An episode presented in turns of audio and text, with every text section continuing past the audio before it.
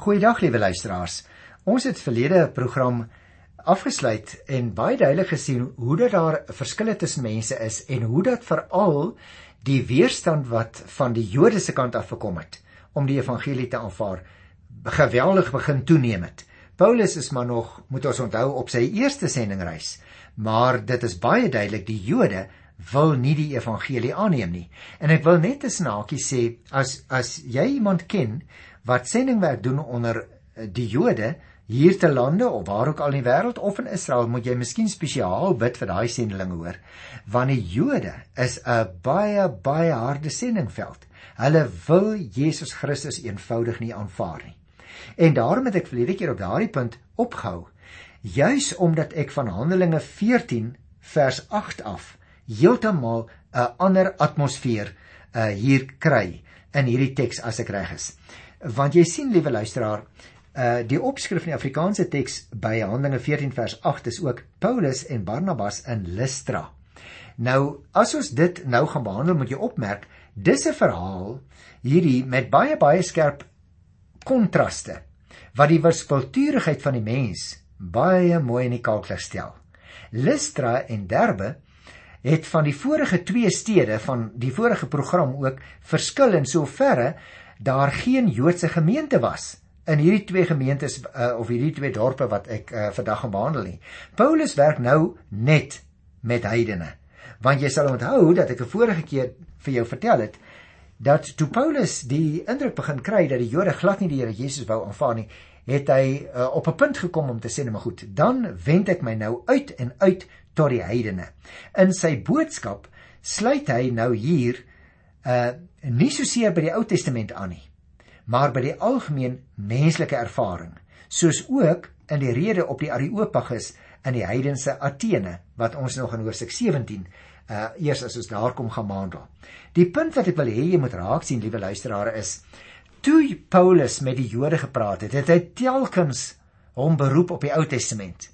Maar wanneer hy nou in plekke kom waar daar geen sinagoge is nie, wanneer hy net met heidene praat, is dit tog sinloos vir hom om almekaar uit die Ou Testament aan te haal want onthou hierdie mense ken glad nie die Ou Testament nie.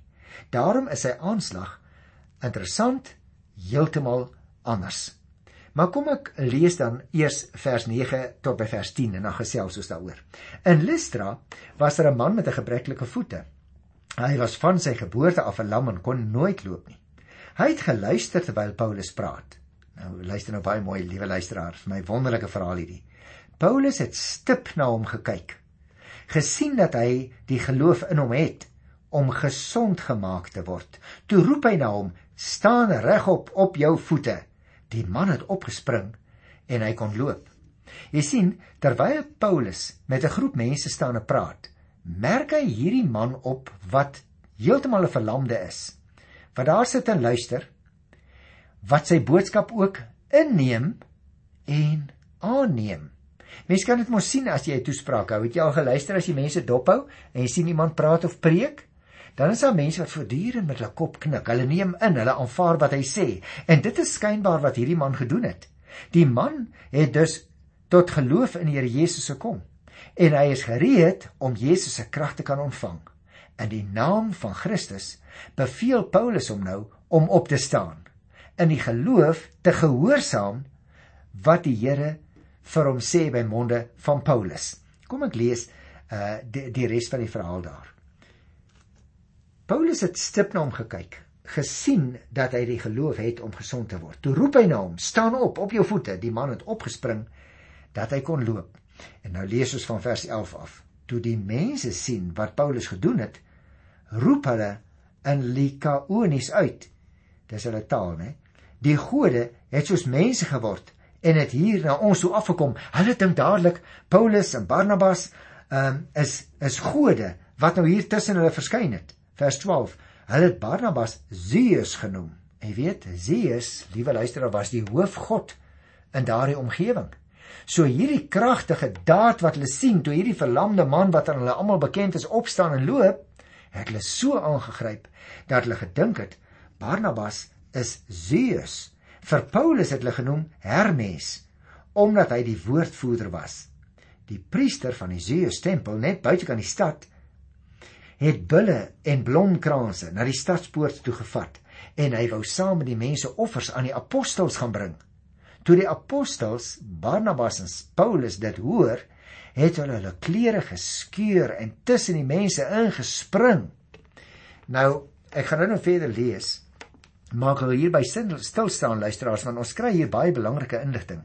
Die mense was naamlik so verbaas dat hulle nie die taal van die openbare lewe naamlik Grieks gebruik nie. Het jy dit opgelet? Maar hulle eie moedertaal,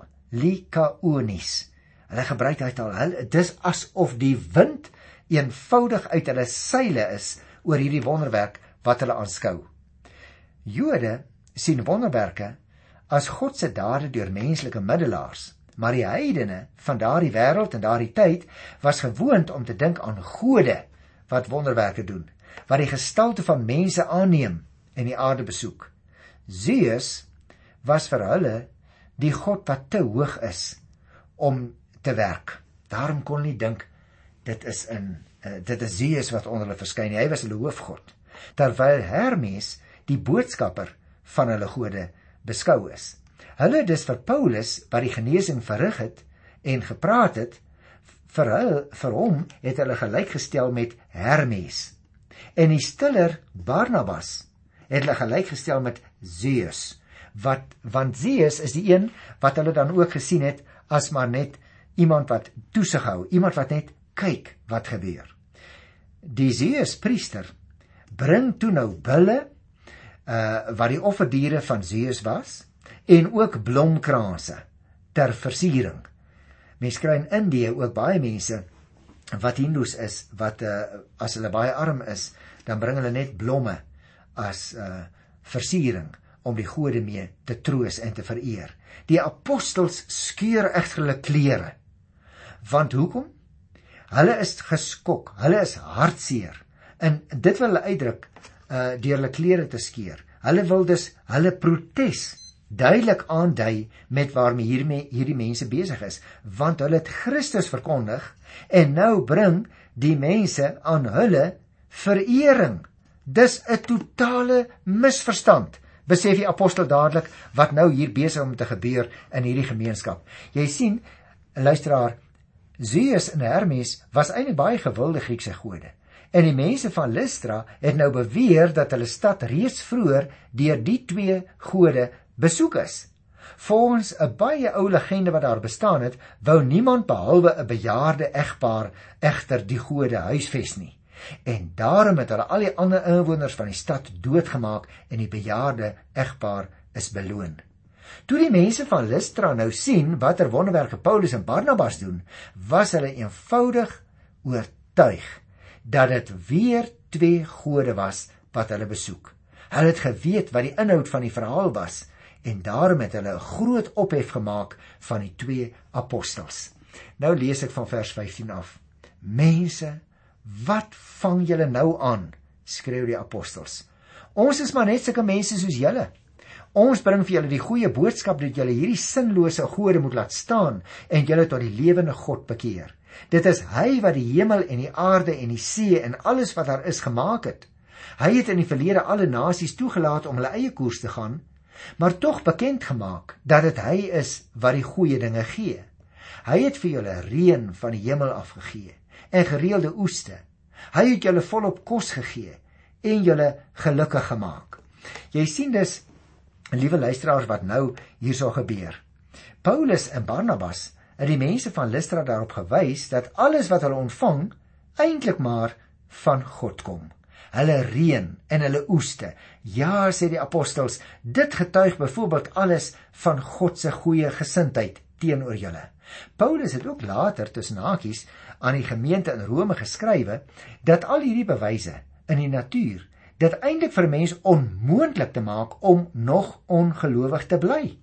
Jy kan gerus gaan luis, gaan lees luisteraar Romeine 1 vers 20. Daar sien jy dit sien. Met ander woorde die Paul die apostels se argument is: "Man, as jy net rondom jou kyk, jy jy kyk na die natuur, dan moet jy besef daar is iemand wat dit gemaak het." En daarom luisteraar As jy dalk een van die mense is wat na ons program luister vandag en tog nog in jou eie hart twyfel aan God, dan wil ek jou oproep. Kyk net rondom jou dan sal jy maar al te duidelik sien dat die Here aan die werk is in hierdie wêreld, ook in ons tyd. Jy sien, luisteraar, hierdie toespraakie het nie regtig 'n groot effek gehad nie. Dit het net maar daartoe gelei dat mense hulle offerplanne teesinnig laat vaar het, maar hulle het nog nie tot God bekeer nie. Hulle begin hulle so 'n bietjie afkeer van hulle eie afgode, maar hulle bekeer hulle nie tot God nie. En nou lees ons in vers 18. Maar selfs met hierdie woorde kon die apostels nouliks voorkom dat die mense aan hulle afgode offers bring. Nou sê vers 19. Toe daar Jode van Antiochië en Ikonië afgekom en die mense na hulle kant toe oorgehaal. Hulle het Paulus met klippe gegooi en hom uit die stad uitgesleep onder die indruk dat hy dood is. Daar het die gelowiges rondom hom kom staan en hy het opgestaan en hy het weer die stad ingegaan. Die volgende dag het hy en Barnabas na Derbe toe vertrek. Ag dit is eintlik vir my 'n stukkie hartverskeurende inligting wat ons hier lees. Want jy sien Paulus en Barnabas het so volgehou om die goeie nuus te verkondig. Die prys wat hulle daarvoor moes betaal, het nie vir hulle opgeweeg teen die feit dat hulle aan Christus gehoorsaam is nie. Hulle het nou 'n noue ontkoming reeds pas agter die rug gehad in Ikonium en daar is hulle amper gestenig. Hulle is agterna gesit deur Jode van Ikonium en van Antiochië en Paulus is toe ook deur die mense onder die klippe bestook. Hulle was onder die indruk dat hy dood was. Maar gelukkig en wat ek wil amper sê, liewe luisteraar, wat 'n genade vir ons. Het Paulus opgestaan, hy teruggegaan in die stad toe en kan jy glo, hy het verder gepreek. Wow! Dis 'n toewyding hoor. Dit, liewe luisteraar, verg op nuwe en opregte toewyding om 'n disipel van Jesus Christus te wees en 'n mens betaal beslis 'n prys daarvoor. As Christene behoort ons natuurlik elkeen nie aan onsself nie. Nee. Nee, ons behoort nou aan die Here en hy roep ons daartoe om soms vir hom swaar te kry. En daarvan hou ons nie altyd nie. En daarom, liewe luisteraar, wil ek my haas tot die volgende gedeelte want daar is die opskrif Paulus en Barnabas keer terug na Antiochië in Sirië. Kan jy dit glo? Hierdie mense is so toegewyd aan die Here. Hulle gooi net eenvoudig nie tou op nie. Jy sien liewe luisteraar, in die volgende gedeeltes hier in Handelinge gaan ons nog van 'n hele paar ander besoeke ook lees wat die apostels gebring het En dan uiteindelik reis die apostels op die laaste deel van die eerste sendingreis terug na die gemeente toe deur wie hulle uitgestuur is. Uh naamlik natuurlik Jerusalem. Maar kom ons lees hier by vers 21, dit is in Handelinge 14. Paulus en Barnabas het die evangelie ook in Derbe verkondig en baie mense het daar gelowig geword. Daarna het hulle na Lystra, Ikonium en Antiochië toe teruggegaan. Hulle die gelowiges geestelik versterk en hulle aangespoor om getrou te bly in die geloof. Ons sal eers deur baie verdrukking moet gaan voordat ons in die koninkryk van God kom, het hulle gesê. In elke gemeente het hulle ouderlinge gekies. Nadat die gemeente gebid en gevas het, het die apostels hulle opgedra aan die Here en wie hulle nou geglo het. Weet jy, liewe luisteraar, Ek kan nie anders nie om net my hoed as ek een gehad het hoog aftaal vir hierdie mense in hulle toewyding vir die Here se saak waartoe hulle geroep is. In Derbe, het ons nou net gelees in vers 21 en 23, gaan dit nou beter met hulle. Daar's baie bekeerlinge en daar is ook geen vervolging vir hulle nie. Dis my baie opvallend as ek dit lees dat Paulus nie toe deurgedruk het na sy geboortestad Tarsus toe nie maar dat hy terug is na Antiochië in Sirië. Nou moontlik, liewe luisteraars, uh, het hy besef die jong gemeentes het versterking nodig. Heel moedig keer hy nou terug na die drie plekke waar hy juis vervolg is. Hy lees ons hier het die gelowiges geestelik versterk. Dit wil sê hy het hulle die innerlike krag gaan gee. Hy het hulle gaan aanmoedig om vas te staan in die geloof ten spyte van teenstand en vervolging.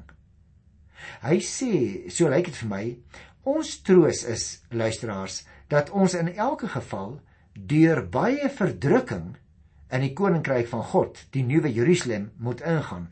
Ons moet ly, skryf hy daar. God het dit soms so bepaal. Jy en ek verstaan nie altyd hoekom ons met swaar kry en self moet ly nie. Die ware Christen, liewe luisteraar, ly natuurlik altyd vir die geloof. Jy kan dit maar gaan lees as jy wil in 2 Timoteus by die 3de hoofstuk vers 12.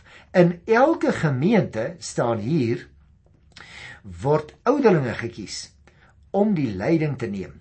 En hier het ons dus 'n aanduiding hoe Paulus te werk gegaan het. Hy het by gemeentes aangekom, soms het hy gemeentes self uh, self ook gestig en dan wanneer hy weggegaan het of in hierdie geval weer deur daardie gemeentes gereis het, dan het hy ouderlinge aangestel om voort te gaan met die werk. Paulus en Barnabas het hulle lewens gewaag deur terug te gaan na hierdie stede toe hoor, want hulle wou seker maak dat die kerk behoorlik georganiseer was. Hulle was nie maar net besig om opvolgwerk te doen by 'n ongeorganiseerde klompie gelowiges nie. Nee, luisteraars, hulle wou hulle help om behoorlik georganiseerde kerke met geesvervulde leiers tot stand te bring. Luister.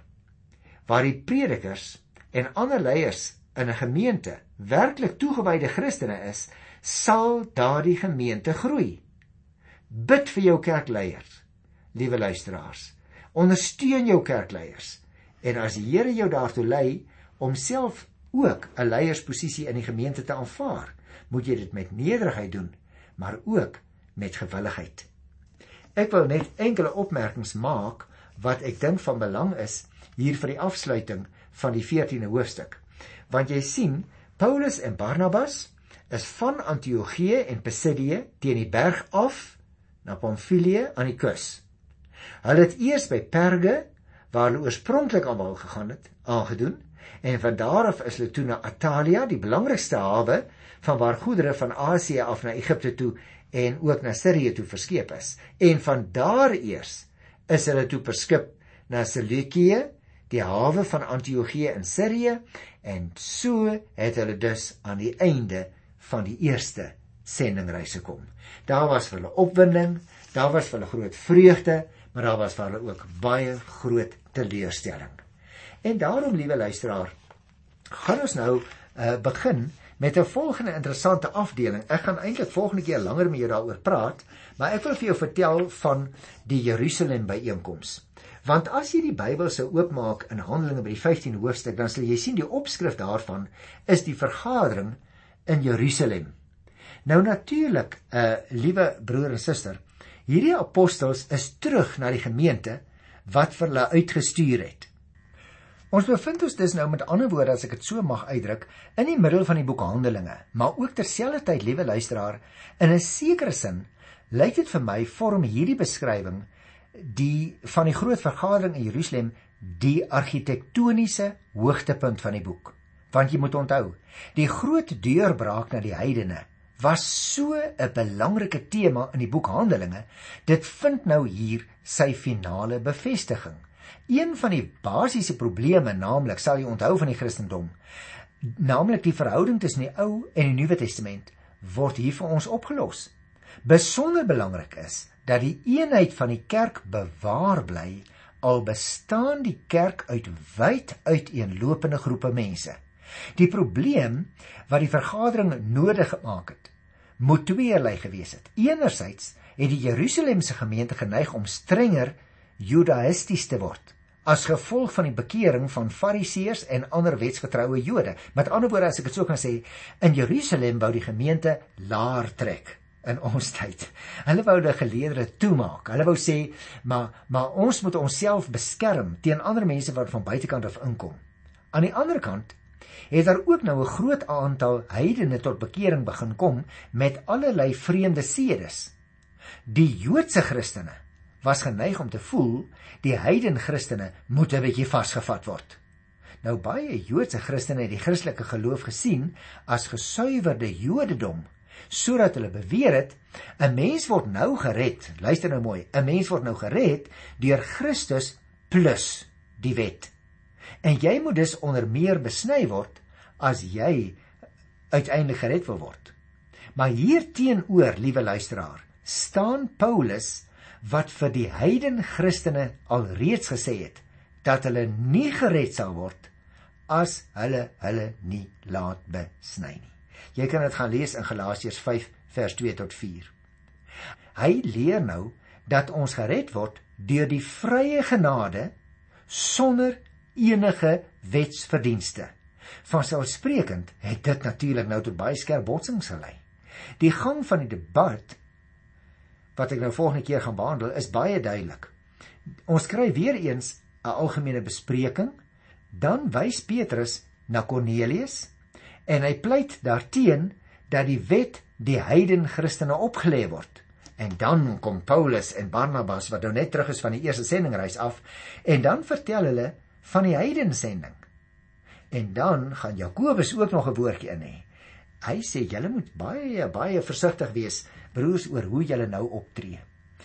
As ek dit dus uh, mag saamvat, liewe luisteraars, ons het hier gekom by die skeidingspunt waar die kerk nou, ek wil amper sê vir eens en vir altyd moes sê, is daar nou nog sekere wettiese handelinge wat ons moet uitvoer as iemand tot bekering kom of nie? Die kerke van Jerusalem en Antiochië het nou afgevaardigdes na die vergadering in Jerusalem gestuur. Sommige mense sê dit was die eerste sinode wat gehou is.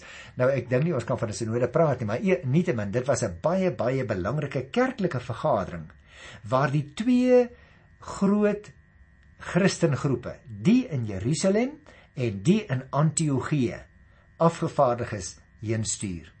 Die kwessie van die nie-Joodse bekeerlinge het tot meningsverskil gelei in die vroeë kerk. Mense kan baie goeie baie goed verstaan.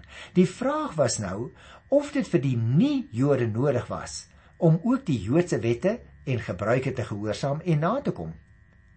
'n Mens kan ook verstaan, liewe luisteraar, veral onder invloed van die sogenaamde Judaïste, na wie ek net nou verwys het, het sommige daarop aangedring dat die nie-Jode wel die Joodse wette moes nakom, dat hulle selfs besny moes word. Anders kon hulle nie gered word nie. So is daar geredeneer. Paulus was egter van mening dat dit nie vir hulle nodig was om eers Jode te word voordat hulle Christene kan word nie. En nou Paulus en Barnabas het hierdie probleem dus met die kerkleiers kom bespreek hier in Jerusalem. Die vergadering het uiteindelik besluit, sê ek maar so lank, ek gaan volgende keer oor die vergadering praat, maar dat ons net kan weet waaroor dit gaan. Die vergadering het uiteindelik besluit dat hulle reg was en dat dit nie vir nie Joodse gelowiges nodig was om aan die Joodse wette gehoorsaam te wees nie. Dit was ook nie vir hulle nodig om besny te word nie. Die vergadering het ook uiteindelik besluit dat Joodse en nie-Joodse gelowiges saam kon eet sonder dat die Jode daardeur onrein gemaak sou word. Nou liewe luisteraar, net so kan jy en ek ook in ons tyd soms betrokke raak in debatte oor strydpunte waaroor daar nie regtig stryd hoef te wees nie. Ons het naamlik dikwels ons eie siening in ons eie kerk. Nou natuurlik oor ons program verkondig ons nie 'n bepaalde denominasie nie. En daarom wil ek dit aan die einde van ons program vandag baie duidelik vir jou sê. Dit maak nie saak aan watter kerk jy behoort nie. Maar as jy nie in Jesus Christus glo nie, is jy op pad na die hel. Dit maak ook nie saak wat jou kerklike praktyke is nie. Dit gaan verskil van ander kerklike praktyke in baie opsigte. Maar die vraag is of die kernpunt die een om wie dit gaan, die sentrumpersoon Jesus Christus is. Dit is om hom dat dit gaan. En as ons mekaar vind, broers en susters, rondom die persoon van Jesus Christus, dan kan ons ook baie van ons kerklike onderlinge verskille besleg. Kan ons mekaar ruimte gee en sê luister ou broer, ons ding hier ding doen die ding so, julle doen dit so, maar ons glo in dieselfde Here. Dan lyk dit my broers en susters is ons op die pad wat die eerste groot kerklike vergadering in Jerusalem gekies het om te loop. Ek groet jou tot volgende keer in die naam van Jesus Christus, die enigste redder van wie die Bybel vertel. Tot volgende keer. Totsiens.